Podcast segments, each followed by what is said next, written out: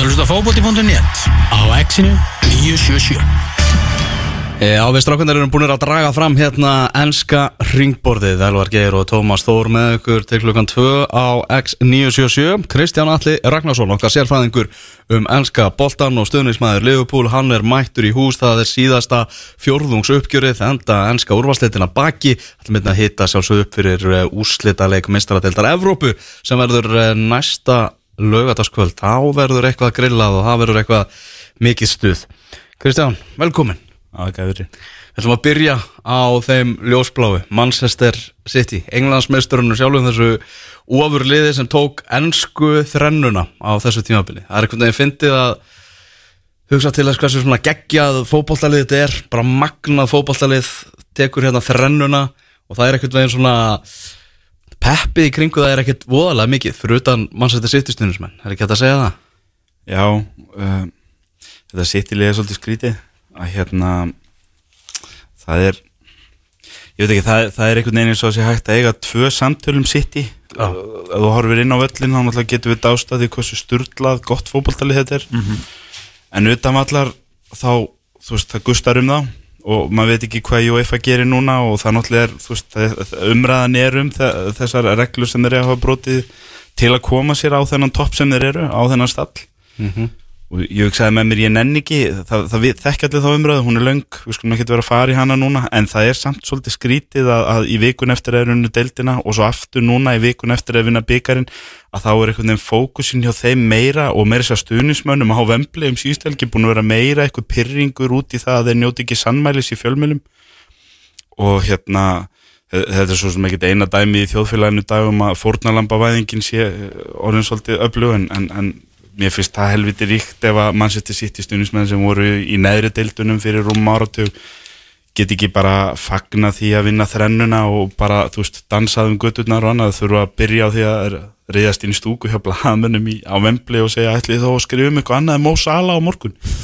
Bítuleikin alveg að fara með menna því að, að að blaðmenn er að voga sér að skoða það sem að virðast vera algjörlega lögmætar fréttir af því hvernig eigenda grúpa sitt í hafa sínu lið, en, en við skulum ekki breyta eða þú veist, það breyti því samt ekki að, að ég fór aðeins að hugsa þetta í sögulegu samingi að náttúrulega Chelsea gerðu að vissuleiti þetta fyrir 15 árum síðan komuð með peninga sem að höfðu bara ekki sést inn í deildina og, og stökku svona, getur maður sagt svona hoppuð fremst í röðinni sem að, sem að mörgum er ítla við að, að, að, hérna, að þú er ekki að tekið svona eitthvað uh, stórt stökk fram fyrir stórliðin og orðið bestur bara því að það er einhver uh, hérna, einhver síkupappi sem kaupir þig.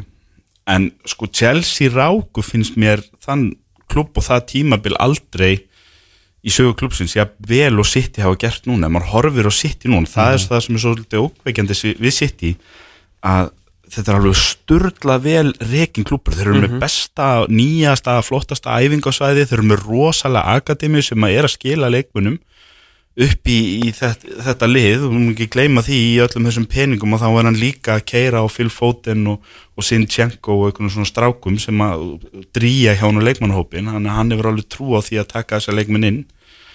Og, og svo náttúrulega var búið að leggja þennan grunn áður en að Guardiola kom að, Chiki Becker í staðin var komin frá Barcelona, vinnur hans og yfir maður knaspunmála þar til þess að stjórna öllu og leggja bara línutan eins og pepp illa séu lagðar í í Manchester Borg og hérna og þetta er bara ótrúlega vel reikin klubbur og, og ég var einmitt að pæli sko, þegar ég horfði á þetta ég horfði á það að vinna byggarum síðust helgi. Náttúrulega horfði ekki á það að vinna deildina helgin áður, ég var að horfa á leifupóleikinu saman tíma. Þannig ég horfði á byggarum og ég reyndi svona bara fjarlæðið mig frá einhverjum leifupól pyrringi og byttuleika út í sitt og bara horfa á fótballtaleik og hugsa hvað gerist. Og svo voru Watford næstu konur yfir og síðan ekki söguna meir. En ég var að horfa á að vinna 6-0 og ég hugsaði með mér, þetta samt þú ert að horfa þarna á fullt af leikmönnum í þessu liði sem að kostuðu fullt af pening en það er tvent sem enginn er á fyrir mér. Það er nummer eitt, þeir eru ekki að kaupa ykkur að toppa í Evrópu. Þú berð á samvæðilega með United þá eru þeir ekki eldast við Pogba, Griezmann, þú veist, þeir eru ekki að borga mitt við, þeir kaupa sterkustu ungu bitana. Þegar þeir eru ungir, þú veist, Aguero er ekki orðin kannski halvi, hann er náttúrulega stjarnar hjá Atletico, en ekki á þessari gráðu, sko, og kompani var svona vin, efnilegast ungi miðvörðurinn í, eða varnamæðurinn í Európu þegar þeir keiftan, þeir borga pening fyrir hann til að fá hann og borgunum launin til að samfara hann um að koma til City. En, en þetta eru samt leikmenn sem þeir þeir eru snjallir í því hvernig þeir kaupa. Og við sjáum það aftur sko, þeir taka Leroy Sane þegar hann er hjá Schalke ekki þegar hann er búin að fara til Bayern eða Juve og orðin stjarn og þú þarf að eða 150 miljónum í hann. Verður það sama við til dæmis liðin í Európu sem eru eldast við Neymar eða Coutinho eða reyna að kaupa Grísmann eða eitthvað skil og eða 100 pluss miljónum punta sitt ég er ekki að gera það, þeir kaupa frekar marga 50 til 80 miljónum punta leikmenn sem eru ungir og svona hungraðir. Það virka ekkit allir, Bernard Mendy til dæmis verðist ekki hafa virkað og nú er Guardiola klálega að leita svo öðrum vinstir bakveri sem að því er að Mendy misetnaðist en þú veist, þeir eigða peningum í Raheim Störning, þeir eigða peningum í Bernardo Silva, þetta eru þessir leikmenn sem eru svona hungraðir og eru alveg við það að springa út. Smá, smá, smá útútúr með þannig 6-0 sigur hjá, hjá Votvort ég sá hérna Guardian var að fjalla um það, að gera eitthvað rannsók uh, sem var að velta fyrir sér náttúrulega kannski eftir hennar leik er það jákvæmt fyrir fótbollan að byggja rústaleikur sig að fara 6-0 og eitthvað. En samkvæmt þeirri rannsók þá vil, vilja bara meiri hluti fótboltáhamana sjá stórstjörnur blómstra og vera að gera eitthvað geggjað heldur en að vera að horfa eitthvað þú veist, 2-1 sigur á, með, með flautumarki og eitthvað þannig Ok. það er vinsætla að sjá risastjörnunar vera að gera eitthvað geggjað Já. heldur en hitt, mér varst þetta magnað sko. það er svolítið spes ég, þegar ég reyni sko að því að þú veist maður reynir að hoppa út úr træbalismannum og, og leggja sínu liði til hér, ég ákvað bara fyrir nokkrum árum ég er hættur að svona það sem er kallað hate watch, ég er hættur að horfa á, þú veist sem F-fáingur, þá er ég hættur að horfa á K.R. eða stjörnuna í sjónspinni eða eitthvað og segja ég móna þér tap, ég er verið að tapa fyrir F-fá og ég er hættur að vera þú veist í einhverju bræðiskastum hverja helgi yfir í hvernig Manchester United og Manchester City og Chelsea gengur í enska. Ég, ég bara horfa mitt lið, ég vil að mín lið gangi vel og svo reynir ég svona að leggja því til hliðar. En auðvitað náttúrulega koma upp atvik eins og þeir eru úrst að vona núna innilega að sitt í tapi stígum eitthvað svo Liverpool getur unni deilt eða eitthvað álíka en, en að öðru leiti þá er ég svona fann að horfa þetta öðrum augum og þá, þú veist, ég get alveg lagt því til hliðar og hort á sitt í Watford og mér hefði þótt leikur miklu, miklu skemmtilegri ef hann hefði verið 1-1 skilur og sitt hefði vunnið 2-1 á síðustu tíu myndunum og drama og klúravíti og eitthvað svona brjála sko. ég hefði alltaf viljað það frekar heldur en 6-0 en það eru náttúrulega samt mjög áhugaveri punktar í 6-0 sigri þar sem þú getur svona setið og einhvern veginn bara dáðst að því hvað sitt ég búið að gera Man er því sem ég segi sko, menn hafa verið í þessar yfirbrástuð áður en, en, en samt ekkert búið en til að til svona lið, þetta lið er bara okkveikjandi og, og, og, og, og það virðist vera svo mikill stöðuleiki sem er ekki bara, þú veist, Pep Guardiola hann er búin að vera hann í þrjú ár, heldur stöðuleikin er fyrir hans tíma, þessi leikmenn meiri hlutin af liðinu er eða kannski ekki, ég veit ekki út, er af liðinu sem þeir eru að keira á í vetur eru leikmenn sem voru þarna þegar hann kom og, og, og hérna og það er bara ákveðin stöðuleikjan og það er sækja 2-3 á í sumar og segjum að tveir af þremur reynist jafnvel og Aguero og David Silva og kompani og, og hvað þeir heita að hafa uh, reynsteim að þá er það bara stöðuleiki sem heldur áfram og ætti alveg jafnvel að geta haldið áfram svona in theory eftir að, að Guardiola stígu frá alveg eins og Bayern hefur haldið áfram eftir að Guardiola steg frá og Barcelona hefur haldið áfram eftir að Guardiola steg frá. Þú, þú, hann, er, Ah. hann er geggjaður í því að koma þér upp á einhvern ákveðin stall svona að leggja einhverja línur, þú er bara, þið eru lið sem fer yfir 90 stíð deildin núna og það er bara það sem að Bayern gerir, það er bara það sem Barcelona gerir og þeir eru ekkert hætt því eftir að Guardiola fór, þó svo að hafi kannski verið upp og ofan hjá þjálfurunum sumir aðeim hjá, hjá Barcelona hendist ekkert lengi en svo kemur ykkur annar og, og hérna og það er það sem City er að byggja upp og það er eiginlega það sem er mest skerið. Þú getur alveg setið hérna ég er náttúrulega sem leifbólmaður mjög pyrraður yfir að Guardiola skulle vera þarna á sama tíma og kloppar þarna og við skulum fara í 97 og ekki vinna deild. En það verður að rósa City innan um allt hitt sem er verið að tala um utanvallar hjá þeim sem þeir þurfa vonandi að svara til saka fyrir því að þe- þetta, þú veist, þetta er bara svolítið stórt mál fyrir UEFA hvort þeir taki almennilega á þessu ekki en hérna, en refsingarna verða aldrei eitthvað nót til að fella veldið eitthvað, ég meina menn kannski, þú veist, fá heimalíkja banni eða sekt eða jafnvel þú veist, við missa veinu ári mistaradeildin eða eitthvað, þá er það ekkert eitthvað sem fellir mannstu í á stallinum. Nei. þeir eru bara það góður klúpur, það er bara það vel rekin klúpur, að þetta virðist vera komið til að vera. Jafnvel þó sem Guardiola fari eða kompani eða Aguero eða eitthvað hætti, það er,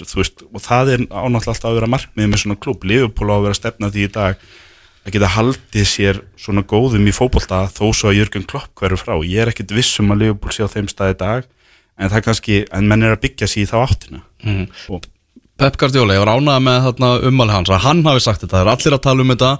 Hann seg, sagði bara að þetta lið verður samt þegar á hólminn verður komið dæmt af því hvort það vann mestaratelt Evróp Já, já. Og, og hann gerir sér alveg fyllilega grein fyrir því. Já, sko, það er þú veist, við fáum eiginlega ekkert mikið skýrar að dæmi um enn í ár.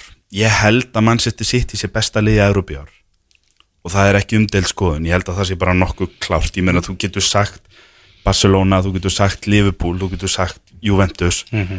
Og vissulega þrjú af þessum liðum sem ég tel upp að mistíðu sig þá á einhverjum, einhvern ótrúlegan hátt í Európu en hérna en það er hart þegar þú ferði 98 stíð, 100 stíð fyrir að 98 stíð í ár þú vinnur þrennu sem eru aldrei við runnin áður. Þetta liði sturla, það er allt eins gott og best verður á kosið en þú kemst ekki á þetta stóra svið og það svíður annað ári í röða fyrir að horfa eftir Liverpool og núna Tottenham líka á þetta stóra svið sem að við vitum að eigendunum dreymir um og það er stóra tapmarki og það er ákveði kapplöp, ekki bara það að menn vilji vinna þennan byggar, þú eru átt á því að það er ákveðni keppinutar í París og menn vilja vinna þennan byggar og menn vilja líka vinna hann á undan París. Því að þetta eru tveir klubbar sem á aldrei unni meistardeldina og þeir eru bara bókstælega í kapplöp um hvor vinnur. Og þeir hafa verið svolítið svona kokkblokkaðir af, af, af Barcelona og Liverpool og einhvern svona liðum síðust árin. En þetta bara einn daginn þá kemur að því að annað þessum liðum fer an, alla leið og þeir, veist, þetta er bara eins og Bandaríkin og Rússland þegar menn voru að keppast um að komast fyrst út í game sko. Þú veist það bara þú gast bara ekki þú veist, Bandaríkin menn alveg brunnu fyrir að komast út í game en þeir gáttu fyrst og fremst ekki hugsa sér að rússarna eða þá gáðu undan. Og þetta er svolítið þannig á milli Paris og, og, og hérna og City. Og þannig að hann, hann er ekkert að ljúa því, það er bara þannig og ef hann verður alltaf eitt eða tvö ári viðbót eða, eða ef hann fyrir sumar eða hvað er hann verður alltaf dæmdur af því hvort að hann mistar deildin ekki, svo er það náttúrulega orðið svolítið persónlegt fyrir Pep. Nú er hann ekki komist lengur en áttalúslitin síðan hann hætti með Barcelona. Einmitt. og það svona, það, þó svo það sé kannski astnæli gaggrinni, þá samt hangir það yfir honum þegar að menn er að bladra á Twitter og svona, þú veist, hann getur því ekki án Messi. Nákvæmlega. Og hann vill alveg svara því, hann alltaf svíður hann að sjá klopp fara tvísar í úslita án þess að vera með eitthvað svona Messi í liðinu og hérna, og, og Mourinho hefur unnið, þú veist, það var allir unnið þetta. Mourinho hefur unnið með tveimur lögum, Rafa með tveimur lögum Ancelotti með þremur eða ekki? Þú veist, hann svíður að sjá þetta allt og, og hugsa með þess að hann langar að komast inn á þennan lista, hann langar að geta skilja eftir það sem að menn segja, hefur Guardiola, hérna, hann vann þetta með Barcelona, Bayern Manchester City og Juventus eða eitthvað álíka, eitthvað sem engin annar hefur gert skilur. Já, hann er að en svona hann klúraði með Bayern en hann ætlar ekki að klúraði með City. Nei, hann er orðið svolítið svona, veist, vinnur deildina út af miklum stæl flestum, á flestum stöðum sem hann er. Já. en veist, samt með alltaf með geggjum liðum það er ekki eins og hann hafi tekið, þú veist, Forrest Green Rovers eitthvað neginn og gert það að stórveldi, sko. Nei. þannig að þú veist, hann þarf rosalega mikið þessa meistaradeild svona, og hann er líka mjög meðvitaður um það sjálfur eins og þessi orð, sko, þessi, og hann mér fannst með þessum orðum sem móta vitni í, sko. Mm. mér finnst það miklu meira að vera að beina það með sjálfur sér heldur nokkuð mann félaginu, sko. Já Ég held að hann finni þessa press og sjálfum sér meira heldur en að horfa á Aguero og kompani og eitthvað og segja þið verðið að vinna þetta Einmitt. til að upp á eitthvað legacy. Þeirra legacy er klárt hjá Manchester City en, en það er hann sem á að fengina það Þeir voru búin að vinna deildir áður en hann kom. Og það var ekki nóg. Mm. Förum yfir í Liverpool. Liverpool Tottenham eftir uh, viku í meistaradeildinni spilað í, Madrid og, og mikið fjör ennskur úrslitalegur. Er þetta, nú er Liverpool að fara náttúrulega í þennan leik sem stóru strákanir, það eru flestir að búast við því að þeir séu að fara að vinna þennan titil að, að þessu sinni. Já. Það er hérna það, það sagði við mig góðum aður fyrir tíu dögum að það væri það kvildi bara eitthvað bölvun Leopold í dildinni það er bara jafnvel þegar að menn vinna dildina í rauninni, farið 90, farið 97 stig þá vinnar hann samt ekki því að það er bara eitthvað sem að vinni 14 leikir röð til að kokkblokk okkur. Veist, og hérna og, og þú veist en, en að saman tíma, sa- hann sagði það að það kvíli bölvun á Leopold-deildinni en það er eitthvað að heilla því sem er í Európu það er bara eitthvað þar, veist. Þrjú nú lundi gegn Barcelona, það, þú, þú átt alltaf anfylgd eftir og það er bara miklu meira heldur en einhver miði möguleiki þegar að hérna það er ótrúlega að vera konir að aftur og og hérna og það er eiginlega ekki hægt að sitja hérna núna og ætla að dæma tímabili hjá Leopold. Við verðum að býða í viku með að kannski geta felt einhvern loka dóm og um Leopold um þetta lið sem Klopp er búið að byggja upp glemir því ekki að þetta er þriðja sinn á fjórum árum sem hann fyrir úslita leiki í Európu með Leopold en hann tapaði líka hinn tveimur. Og ef við erum að tala um að Guardiola finna einhverja pressu í Európuleik eða í mestaradöldinni þá finnur Klopp alveg fyrir pressu með þetta úslita leikja tal sko eitt samt varandi þetta veist varandi að dæma tímbili og Liverpool og allir kannski, allir margir kannski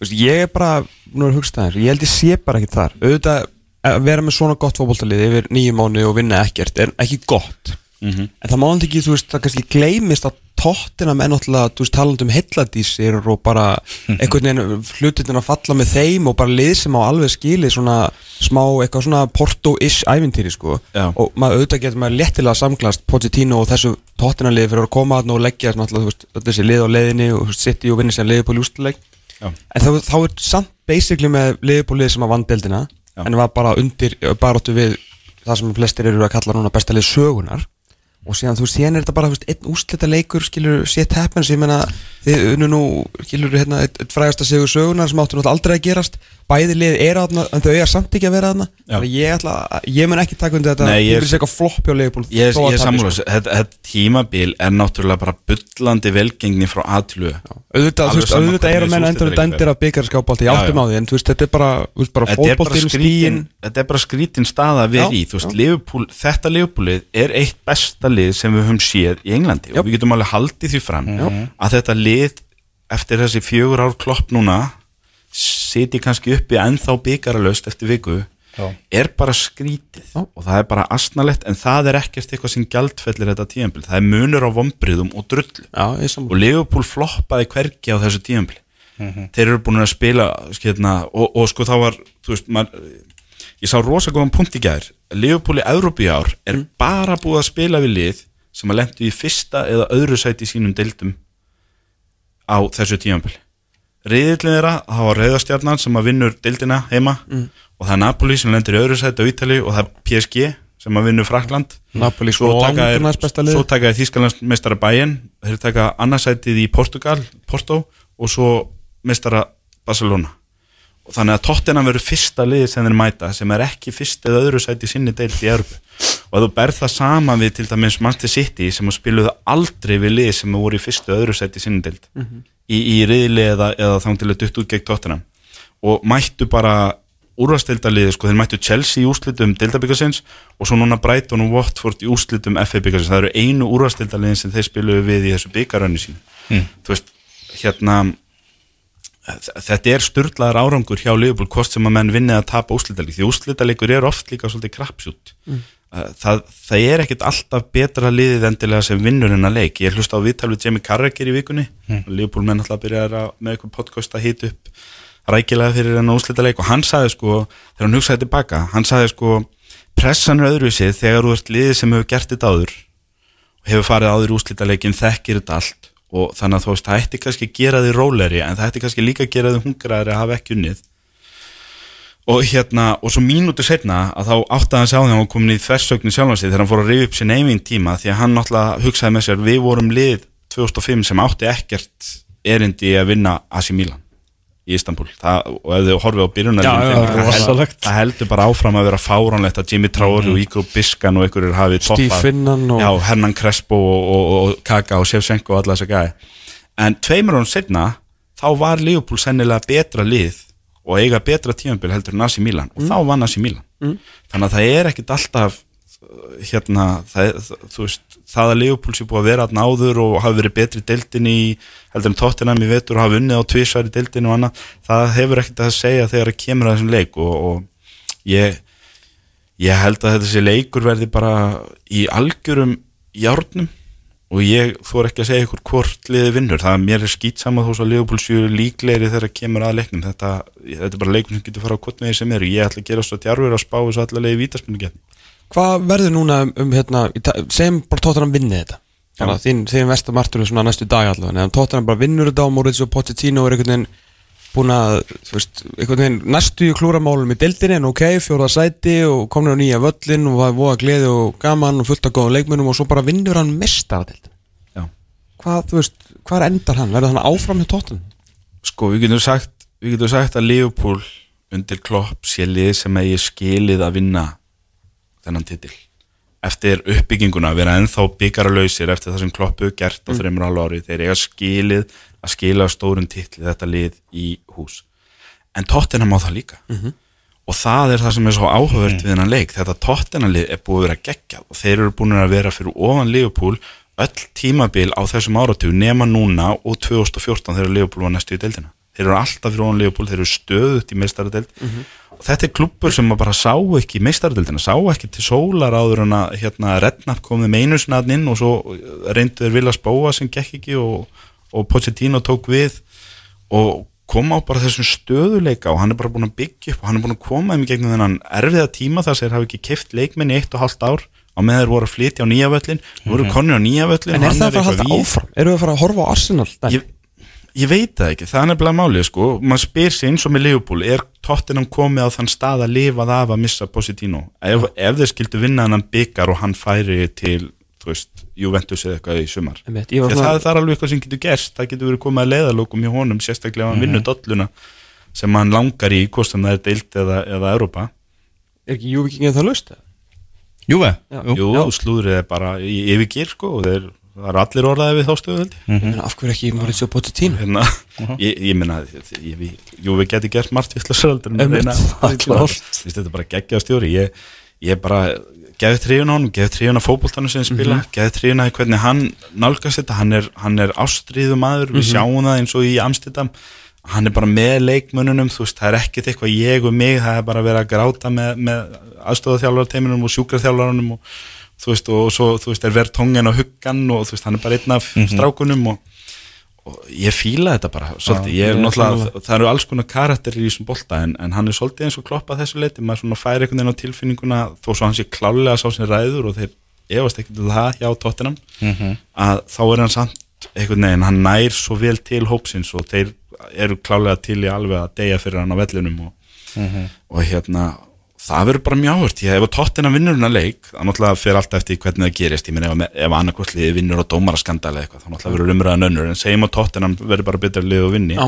þá er bara mjög auðvelt að segja, heyrðu tóttina er bara lið sem er mjög vel að þessu komið, sáklúpur hefur verið, ég sagði nú Twitter um daginn að tóttina væri sennilega best rekning klúpur Englands síðustu tíu ár, bara ótrúlega stöður og flottu klúpur sem hefur gert það sem allir er að láta sér dreymum þú veist að, að búa til einhvern stöðuleika í fimm ár, þeir vinna smá lotto þegar þeir fá Harry Kane upp úr akademínu en, en annars eru búin að kaupa rosalega snjált, þeir eru búin að fjármagna það vel á þess að vera með einhvern síku pappa. Þeir eru líka búin að byggja hennar völl.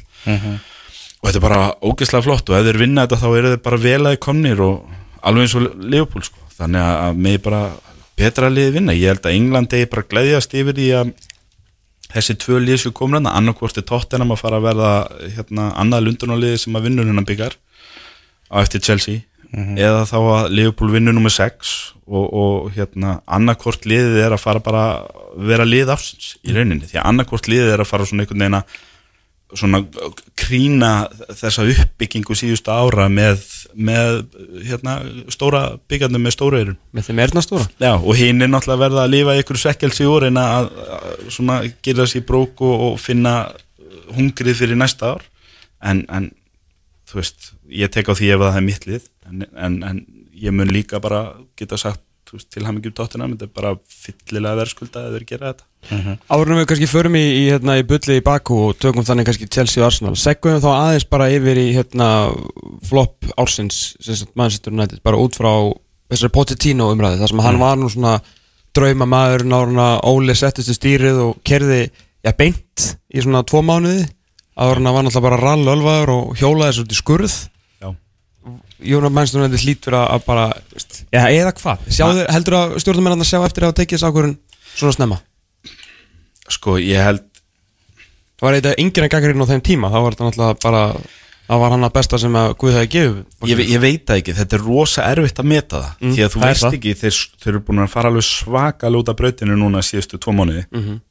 er það út af Óla Gunnari að því að hann er ekki með neina taktík eða neina sín eða er það út af því að sem ég til líklega að þessi leikmenn séu bara komin á endastu þú ert bara komin á stað með þennan leikmannhóp þar sem að þú getur ekki ætlað að fara inn í sumarið og kaupa grísmann og delikt eða eitthvað og halda allt sér í lagi. Þú, hér er komin tími til núna að bara klára þetta lið í burtu á næstu þremur leikmannarklugum og skipta um þannig að hvort sem það er solskjær eða eitthvað annað sem er, við stjórnmölun eftir þrjú ár að þá séu menn loksins konur á þann stað að geta sagt það er ekki meiri hlutin að liðinu hérna að spila fyrir okkur kiftur af Alex Ferguson. Það er það sem að menn eru enda að segja í dag og það er fáránlegt, það er bara til margsum það hversu léleg innkaupastefnan hefur verið undir Moyes og Van Gaal og Mourinho að þeir fóru til Nou Camp í Barcelona og meiri hlutin af liðinu sem byrjaði og eiginlega öll vörnin nánast og markið voru kiftir af Ferguson í hans tíu, það eru sex ár núna síðan gamli hætti. Það er bara fáránlegt. Og, og hérna Leopold vann dildina næstu í 2014 og sterkasta lið Leopold í dag inniheldur Jordan Henderson úr einmitt. Fimm ár, er bara búið að skiptum og, og Leopold er betra lið fyrir vikið, þeir eru orðni betra lið heldur liðin sem var næstu í deildina fyrir fimm árum. Manchester United eru ennþá að keira á Chris Smalling Ashley Young, Phil Jones hérna, þú veist, Antonio Valencia er að fara David Gea er þarna, hann er farin að dala, það ég held að sé bara komið að leiðalokum í honum. Þeir eru bara að selja hann fyrir topp dólar og, og sækja Jan Oblak eða einhvern annan Ég, bara, ég skil ekki hvað er bara verið af hverju þetta er til umræðu Það að reyna að semja við mannin Já, það er líka bara, liða það sem eru búin að býða eftir að fá að kaupa ná þess mikið pening og er mögulega að vilja? Já, það eru þannig, ég meina það eru leikmenn líka, stundum að þá eru leikmenn bara búin að gangi gegnum of mikið og það þarf eitthvað fest inn, það er ekkit endilega þar með sagt að Chris Smalling til dæmis sé ekki nógu góðu leikmaður eða hver það er, eða Ashley Young eða, eða, eða DG eða eitthvað, það er bara kannski komið tíma á eitthvað nýtt, eitthvað nýja hungraða menn sem að brenna fyrir það að koma United aftur fremstur, þú voru náttúrulega að finna þá réttu blöndun af leikmönnum. Og það er alveg saman hvort hann heiti Grísmann eða, eða Jónas Jónsson frá Garðabæi eða eitthvað sko, þú voru að finna réttu leikmennina og að fyrsti maðurinn sem er að fara í núna verðist vera Daniel James, nýju gigs já, eitthvað Speed Merchant frá Já. það verður mjög áhört að sjá, ég meina eitt af því sem að mér eru líka vel með Klopp sem að var bara til dæmis ekki til staðar hjá Brenda Rodgers þeir breyttu yngöpastefninu á Leopold var það að þeir settu hugarfarið og svona, svona persónuleikan hjá leikmönnum, þeir fóru að taka það bara algjörlega í forgang. Það bara, ef þú ert ógeðslega góður í öllu í fótbolta, en hugarfarið er ekki rétt, þá hefur Klopp ekki áhuga. Og hann, þú veist, það hefur reynd á það, hann reyndi og var mjög nálægt í að fá Mario Götze hérna fyrsta sömari sitt en Götze vildi býða eftir í hvort að Leopold kemist í meistarleldin ekki? Og Klopp sagði bara við hann, "Ja, þá býðum við ekki eftir þér. Nei, nei, því að þetta er, ekki, þetta er bara ekki hugafæra sem ég þarf í Leopold nú við erum ekkert klubbu sem að getur verið örgur og lofaði meistarleldasæti á hverju ári en við ætlum að verða það og við verðum það ekki með mönnum sem að hætta um leið og við erum sjáum ekki lengur meistardeldin í sjónmáli eða um leið og er orðin einhver brekkan á meistardeld við þurfum bara leikmenn sem að brenna fyrir það að ná í meistardeldin og Mario Götze var greinlega ekki svo leikmæður og United að mínum að þetta mættu laga þetta fyrst og fremst í innköpastefninu hjá sér. Það er að hætta að kaupa leikmenn sem eru búnir að topp eitthvað staðar og eru á leiðinni niður.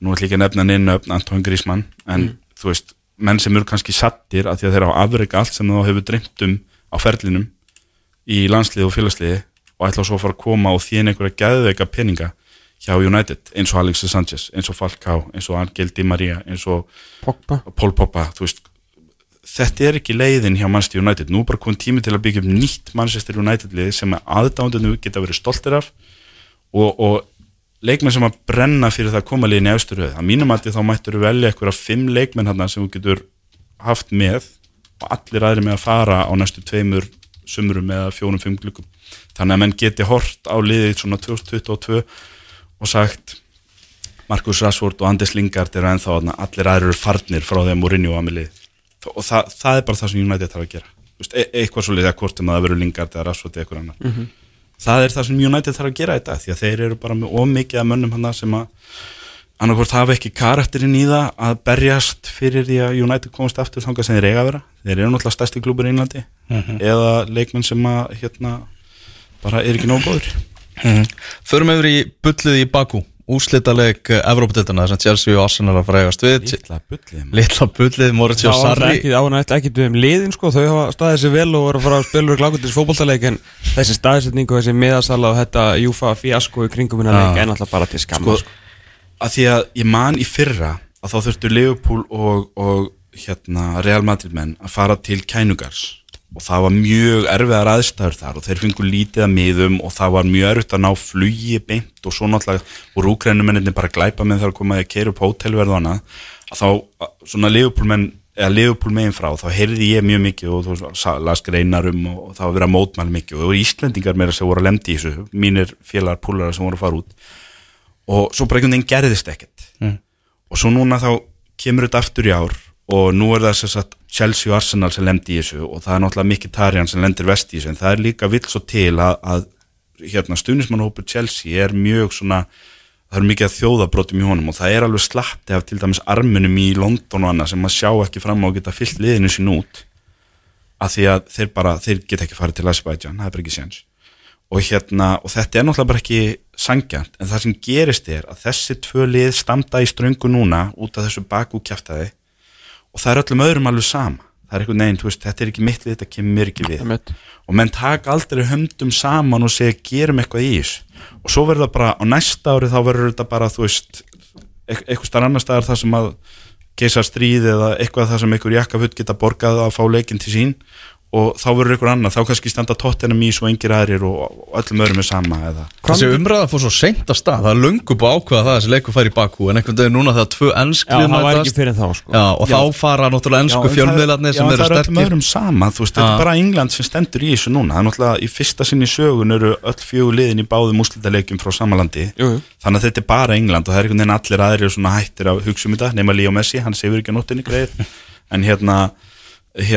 bara Og það er allir á þig, Leo Messi, ég vonaði líði betur. En hérna Erfitt líf náttúrulega en, en þú veist, þannig að England einhvern veginn stendur í ströngu í þessu og það, það er öllum öðrum alveg sama. En svo kannski, svo kannski verður þetta allt í einu sjálke Dortmund á næsta ári. Og, og þá er öllum öðrum sama en þjóðurum að þeir lendi í þessu eða það verður allir góða múti Juventus eða eitthvað. Og, og þá verður bara þeir brjálæri og svo engir aðrir. Og allir aðrir eitthvað, þú veist við þurftum að gera þetta í fyrra þið þurfum bara að gera þetta í ár í staðin fyrir að menn taki höndum saman og ég hefði viljað sjá eitthvað drastist núna Mér Ég hef fannst- viljað sjá þessi lið bara leia Wembley Já. og segja bara hérna, 30. mæja hvernig sem leikur fer fram 2009. eitthvað Já. bara þá munum við spila fótballleiki 90 mínútur á Wembley og þið bara komið með alla jakkalækana Þið ráðið hvort þið mætið með byggarinn eða ekki Já, Við ætlum að spila að lið sem vinnur kalla sig Európumestara eða Sigurvegar í Já, við mætum ekki til Bakú og þið bara megið eiga þetta Við ætlum að selja Chelsea mönnum hérna 42.000 miða Arsenal mönnum 42.000 miða Ég áttu eða tæpla 90 svona Já, já. öllur eitthvað og hérna þarna verður bara húlum hæ og hoppukastalar og, og kranapúp og læti sko. Og við veist, og við bara liðið sem að vinnur við, við munum vera í drættinum skil, eitthvað svona. og svona. Ég, ég- ég hefði bara gert það að því þetta eru ennskli að þetta eru tvöli frá London Mm. þá hefði ég bara sagt þetta er rugg og sko hvað þarf til eins og, og svo náttúrulega erum við ekki að tala um stóra máli í þessu sem er það náttúrulega það vill svo til að svona þeirra Gilvi Þór þeirra Armena, Henrik Mkhitaryan svona þeirra langstæsti og fræðasti leikmaður er að spila fyrir annar lið og hann bara getur ekki spila hennar leik, þarna er Unai Emri, hann, hann missir eitt af sínum helstu vopnum, einn af sínum aða leikmönnum í þennan leik, hefði verið gert meir úr því ef þetta hefði verið Aubameyang eða Hazard, kannski kannski geta menn eitthvað að tekið þessu letta því að Mkhitaryan er kannski ekki alveg svona skýr stóra stjarnan í liðinu nei. en þetta er samt alveg risa mál að, út af einhverju pólitísku kæftæði ég skil, sko, mér finnst fullkomlega eðlilegt að þú veist, þegar Karabæk er að spi- er að spila í mistradeldi eða eitthvað þá fáið þeir náttúrulega sína heimileggi í síni borg þegar það er ekki ástæð til annars. Og ef Arsenal myndi þurfa að mæta Karabæk þá kannski myndi að horfa öðru þessu við að segja bara mikið tæri að vera að vera heima. En þetta er hlutlös leikur, þetta er showpiece leikur fyrir UEFA og hann ábar ekki að vera settur á stað það sem er aktíft, það sem er skilgreint aktíft strís ástand í gangi. Það er alveg saman hvort það er Rúsland, Úgræna Ísæl, Palestína uh, Azerbaijan, Armenia eða annar staðar, það á bara ekki að vera setja þessa leiki þarna mér er alveg sama hvað jakkalakkarnir fá mikið í vasan það á bara ekki að gera þetta því að þessi aðstæða getur komið upp og núna er, kemur hún upp og það verður ekkert gert í þessu. Jakkalakkarnir vinna alltaf. Alltaf. Þetta er alveg óþólandi fyrir okkur hérna því að það verður alltaf svona ykkur ef, ef Chelsea vinnur hennar leik þá verður alltaf svona ykkur stjarnar á bakvið. Þú veist, það eru alltaf, Arsenal menn geta alltaf sagt, já, þú veist þið þurftu ekki að skilja viljan eftir heima. Þannig, við þurftum að gera það. Þannig að þú veist, bara njótið endilega látið eins og þessi Einmitt. flott hjá ykkur við gefum skít í þessu úslit, En góðu fréttnar það er bara eindleðilegt við viljum fá heiðarlegan leik þar sem Arsenal. betra liði vinnur. En góðu fréttnar fyrir Arsenal er að knaspnustjóri liðsins heitir Unai Emery. Evropadeild, Emri er nákvæmlega, þetta heitir náttúrulega Emery Uh, Þannig að Arsenal náttúrulega skiptir engum máli þegar þeir hefa ekki náð inn í Champions League í deildinni, endur þær 15 seti skiptir engum máli, þetta var frábær ráning hjá þeim. Þeir vissu verið með örugt meistaraldasæti í gegnum Európa-deildina, þar sem, þú veist, það segir sér sjálft að þeir eru að fara að vinna þetta. Maður er með svarta beltið í Európa-deildinni Það er bara svo það er bara svo leiðis Meðan sko, meira er búið að tala um það sko, Mauricio Sarri hefur alltaf gefið svona skít í Evrópuleikina þegar hann var á Ítalíu sko. Já. En hann hefur náttúrulega aldrei unnið titil og þetta er kveðjuleikur Eden Hazard Verður þetta ekki bara, getur þessi leikur ekki líka að fara allavega í vitakjarni? Það er rosalega áhafur staða að liði sem er í fymta sæti og er án Mkhitaryan og er desperate að vinna hennar leik til að komast í mestarleild það er einhvern veginn meiri modla loggmodla í kringum þá og, og þjálfur hann annað heldur en mannin í fjórðasætinu sem að þú veist, fór í úslit deildabikarsins og núna úslit Europadeildarinnar og náði fjórðasæti hann fekk ekkert prís í þessum, glemir því ekki að Sarri þeir byðu og byðu og byðu með að rána, ráðan þangað til seint í ágúst. Nú, Konti tók fyrstu afvíkuna Já, stilt upp í reyð og Já, þakkaði fyrir sig. já, já. Það er bíó sko. Og maður búin hérna- að gleyta svo langt tíum maður búin að þarna, þessum magnaða júlimániði sko. Nú, nú, nú er ég næstu búin að tala að mér sem F-fængur, það var gammal þjálfari hjá FA sem var frægur fyrir þetta, hann, hann þáði laun hjá knaspundeildinni fyrir að þjálfa okkur í öðrum þriða fjóra flokki, Já. hann kom alltaf bara upp á Euragræs, hendi boltan og sagði farið reyt, ég kemur til hálftíma og skipti lið, svo fór hann í sjónól þetta gerði hann heila mittur á fínum launum hjá FA og það var alveg saman hvað við kvörtuðum með aðri, ég ætla ekki að nefna nafni, hann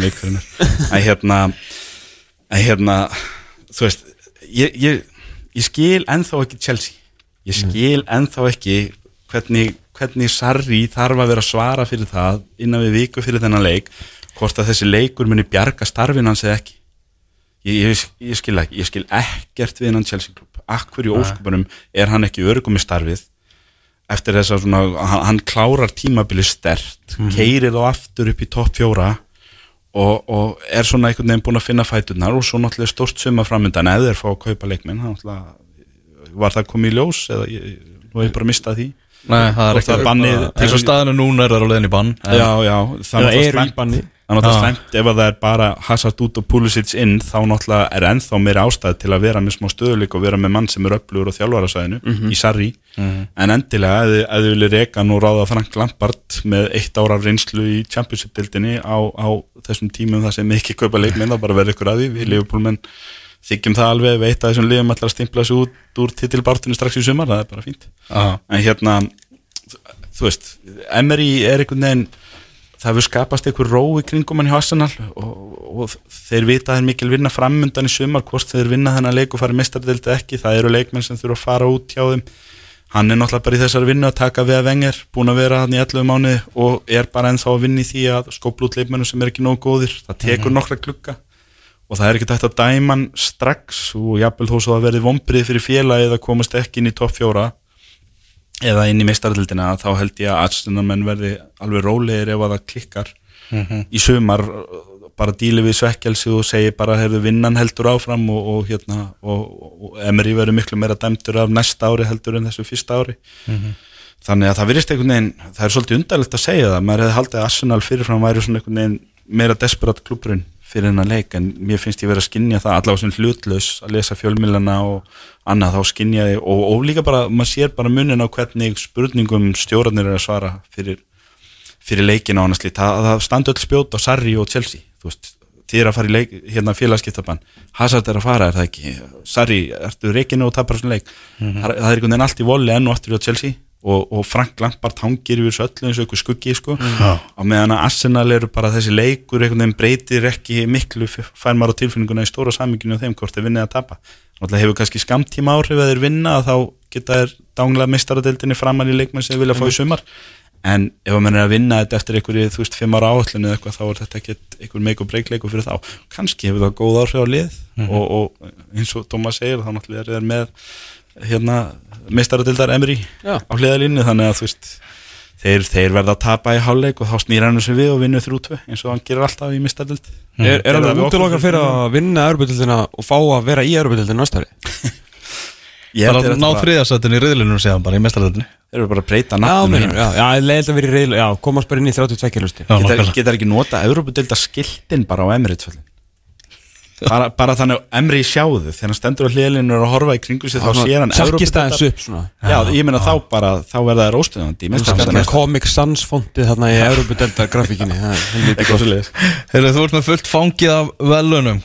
Í þessu síðasta fjórlungsuppgjöri anska boltans á þessu tímabili Það er komið að liði ásins Já, þetta er allt leiðileg velun og leiðilegt lið, við skulum ekki staldra lengi við Nei, þetta, nei, bara stökkum við þetta Liðið, uh, Alisson Becker í markinu gullskórin, nei gullhanskinn segi ég, uh, á fyrsta tímambili sem er alltaf geggjað, störlað þegar þú pælir í hans í markmaður hjá Liverpool. Þá, þá er þetta störlaður það bara verður að tellast honum til tekna. Hann er með flest uh, reyn lög 21 í 38 leikjum síðan Petr Cech 2004-05 Magna. og hérna Miklu betur en ég held Já, bara, bara geggjað, hann er í markinu. Vörnin er meir og minna Liverpool. uh, hérna, Laporte lauma sér í miðvörinn með Van Dijk og svo eru Trent og Robertson stóðsendingakongarnir í bakvörunum þeir, ég átti bara erfitt með að finna einhverja betri ég sagði, hverju á ég að vera eitthvað að finna einhverja betri til að líti út fyrir að vera hlutlös Já. Liverpool menninir áttu bara að varna leikin í þessari deldi vitur enn og aftur sem er styrla að segja um Liverpool. En hérna miðjan Bernardo Silva sem að ég er bara alveg ógeðslega hrifin af. Ég er sammála. og, og það er bara leikmaður sem ég finna á mér á eftir að pyrra mig sem svona næstu tíu ári Mér finnst erfitt að pyrra með honum. Honum finnst maður sér bara ánum hvað hann finnst að gaman sko. Já, Ég elska þegar- þannig leikmenn. Þegar ég horfði hlutlös á hann, þú veist, ég horfði á hann gegn Watford ég er bara, er þetta góðu leikmaður? Þetta er bara alvöru. En, en um leið og ég er að vona þér tapi sko, er ég já. bara En ekki, ekki, ekki hate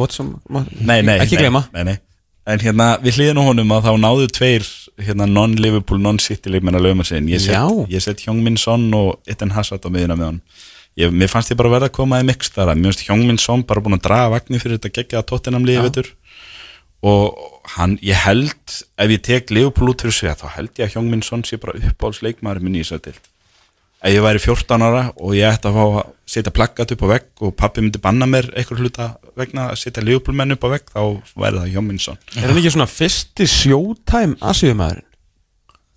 Þeir hafa oft verið svona, þú veist, og park og svona skilur og við fengið marga mjög mikla dugna að forka og svona fyrir þetta hvernig þú lítur á það. Keisuke Honda var náttúrulega hansi frægur Ah, en hann, hann var einhvern veginn aldrei jafn góður og hann var frægur en hann Nei, var svona superstjarn í Asíu og fór sko. í Evrópu. Hann kom aldrei í Nei, Park var náttúrulega geðið ykkur líka hjá en United hann var meira svona vinnuhæstur sko. Já. Þú veist, þú kannski varst ekki að kaupa miðan til að sjá park þótt hann var náttúrulega Já, flottur, þetta, hérna og hann, Shinji, Ka- Shinji Kagawa var náttúrulega líka stór. En, en Son, ég held, ég held að Son sé allavega pottitt stærsti leikmaður Asíu í dag. Já, hann er svona Messi Asíunar sko. Já. Hérna, hann er á miðinu þarna og svo náttúrulega Eden Hazard, hann fær svona kveðju, svona veifum honum bless, takk fyrir, bless, Já. þú varst, þú varst góður. Hérna, einhvern veginn samt Og skemmtun í Madrid.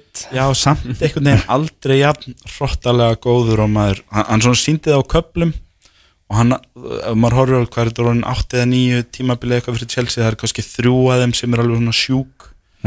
Og hinn eru svona upp og niður hjá honum, en, en hann var þannig svolítið í vetur upp og niður, en bara þegar hann var góður hann var alltaf eins og vennilega réðingi með hann að hann er á miðinu það var erfiðast eiginlega að velja framlínuna því að ég ætla að skilja tvo af þreymur sem fengu gullskóin Ú, eftir fyrir utan lið. Hérna uh, ég set uh, Raheem Stölling lið, sem að mér hans bara geggjaður og, og þú veist Dijk er náttúrulega leikmar ásins en uh, hérna blaðamenninni földu Stölling og ég get alveg kift það líka. Mér finnst hann bara, bara það góður. Eitt af því sem blaðmennir eiga að horfa til þegar að velja þetta er líka, þú veist, fyrirmyndin og hvernig þú ert utanvallar. Og þar var náttúrulega Ræðin Störling að skora upp á tíu. hann og, og líka að, þú veist, þetta eru svo góð fótballtalið Já. sko, og ég skil 100% að leikmyndinu er valið Van Dijk þegar þeir náttúrulega eru margir að mæta honum og bara, þú veist, bara nennaði ekki, sko að fara í hann, en ég skil líka svona blaðmennir fari í, kannski meira sóknarþengjandi þegar þú ert að horfa á svona fótboll eins og Master City og Liverpool að spila, það er endalista mörgum það er sótt, það er gaman, sko Já, já. þannig að svona frekar að þeir horfið það, þeim meina vellum, sko. Ég fílaði líka svolítið með Störling að því að nú hafa blaðmennin verið að pöngast á honum svona í einhverjum semi ég veit ekki rasisma eða hvað sko Já, en árin. þú veist, halvvitablöðin, sko. Já, bara hálfvitablöðin í, í götublöðin í London og svona Hann er sneri tablinu bara við í ár það var, það var eitthvað sem gerðist á þessu tímpil þar sem að Ræm Störling ákvað bara Jæja, heyrðu, við skulum bara við skulum þá bara tala um þetta Já. þannig að ég ætla bara að stíga fram og ég ætla að verða hér eitthvað kindilbyrði gegn rasisma og gegn fátækt og eitthvað meira sko. ég ætla bara að vera mannvinurinn með ákveðnum greini í þessari dild og sjá hvað ykkur finnst um mig þá. Og þú veist, áttamánuðum setna þá eru blaðamenninni búin að kjósa hann leikmann ásins mér finnst það svolítið fallegt. Ég er alveg saman Þetta var náttúrulega bara orðið mjög veikt á þessum tímbili sko eins og þessi grein sem sem alltaf uh, búin að kannski svona poppa hvað oftast upp á á hérna á Twitter sko svona screenshotin að þessu þegar að í Daily Mail held ég net síðan og það hampaði þarna unga sitt í stráknum fyrir að kaupa hús sanda mömmu sinni. Man ekki, var það vísa á. indislegu hvítu drengur að hérna, kaupa húsanda mömmu sinni. Og svo var það bara þegar Rahim Störling gera það sama þá var bara hérna ofsaríki svertingin gullklósett heima hjá svona, eh, stíðleis er þetta? Og það er alveg rétt yfir hann eins og er það sé bara, ekki an- hver einasti leikmaður í dildinni sem hefur grætt penning búin að gera þetta fyrir mömmu og pappa þannig að hann setti bara kínverja og þá er ég að menna sest, sprenguna kínverja í lóan á þessum blaðamennu kveikti og sagði bara tökum hennar dans. Já, og pakkaði saman Hann pakka- og fekk líka alla með sér sko. hann fór verð með þá heldur um vörnina hjá Watford Já. þeir, þeir áttu ekki sjens Þetta og var æðislegt. svo setja á hinn kantinn setja Sadio Mane sem að var besti sóknamaði Leopold í vetur. Og þá hann er mikið sagt.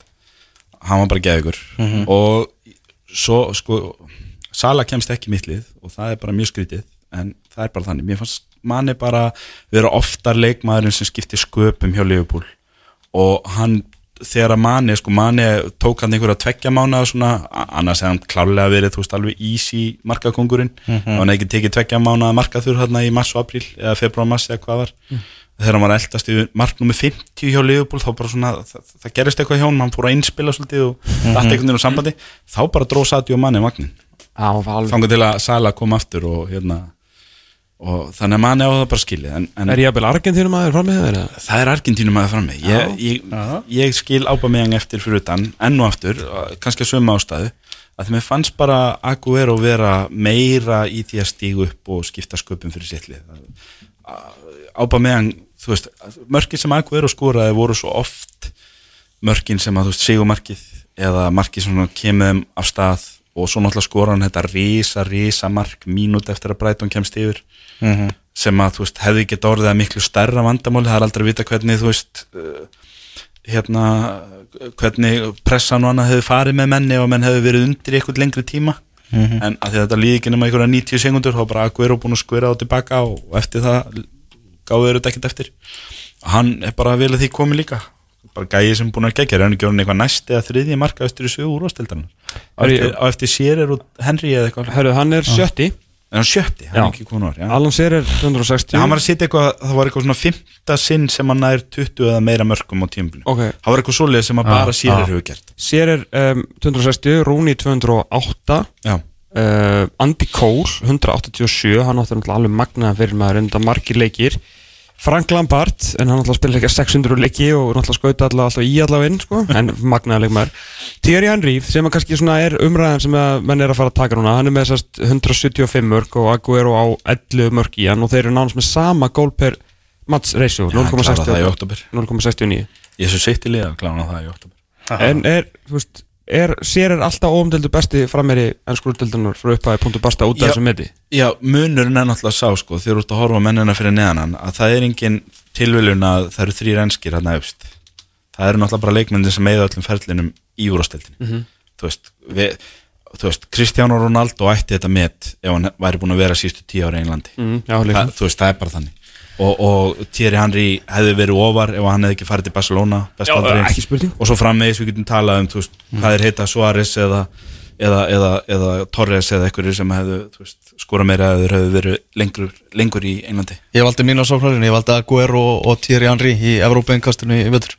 Hvað frá upphæði? Já, frá stopnur ennsku úrvastildar Já, ég er alltaf með út af nýsturverðinu og undan öllum það, er, það, það er þetta, ég, ég er alltaf að rífast í United menn og Twitter að því ég er alltaf að segja um að Ryan Giggs hljóta að vera besti leikmaður í sögu félagsins en þeir vilja alltaf velja Cantona. Og, og Ég skil það, er, það er, er alltaf spurningi sko, ertu að tala um ferilinn eða ertu að tala um svona þetta eye-test þegar þú horfa á leikmannin spila? Töffara. og, og hérna nýlega þá var þessu umræði í gangi hjá Liverpool hver væri besti leikmaður aldarinnar hjá Liverpool svo fara því að það er verið að liðin 20 ára á öldinni? Og menn vildu meina sko Steven Gerrard er klár kostur. Bara- augljóst, það bara, þarf ekki að ræða það. Nema ef þú ætlar að fara að nota eye-testið þá er sennilega Luis Suárez betri. En Luis Suárez var hann í þrjú og hálft ár. Steven Gerrard var hann í 15 ár og gerði allt. Makkulega þannig að veist, þetta fyrir eftir því. En ætlar er að að spurningurinn meta er hvernig sko, fannst að á það. hæfileikaríkastur eða svona greatest servant sko. Já, Alan Shearer er alltaf nafn nummer eitt á blaði og ætlar að tala um eitthvað svona litið við fyrirlinu og greatest servant. Já, já. og svo máttu bara velja eitthvað við hliðin á honum. En ef þú ert að nota eye-testi þá myndi ég segja að Aguero og Thierry Henry hafi báður verið betri frammerar heldur en Alan Shearer í fótbolta. Heyrðu, grítu restina af velunum út Þjálfar ásins einn, Pep, Klopp, Potts ég, ég vel Pep. Óli Gunnar í þess að tvo mánuði. Núno Nuno Já, það er samt einhvern veginn þú, þú getur ekkert gengið fram í honum þegar þú vinnur þrennuna nema bara ef að Pochettino vinnur mestardildin Pep, Pep lítur nú að vera Pep er þjálfari. þrennan. Já, það er bara þannig, hann er þjálfarinn Van Dijk er besti leikmaður, United eru vonbrinn eins og komin á. Og hérna bara megi betra liði vinna í Baku og megi betra liði vinna í Madrid af því að Liverpool er betra lið. Krist, Kristján, takk kjærlega fyrir veturinn. Það ætla að vera mikið spenna, mikið gaman eftir rúma viku. Þá er úslitaleikur mestara deildar Evrópu. Við ætlum að fara að vinda okkur yfir í Pepsi Max deildina hér rétt á eftir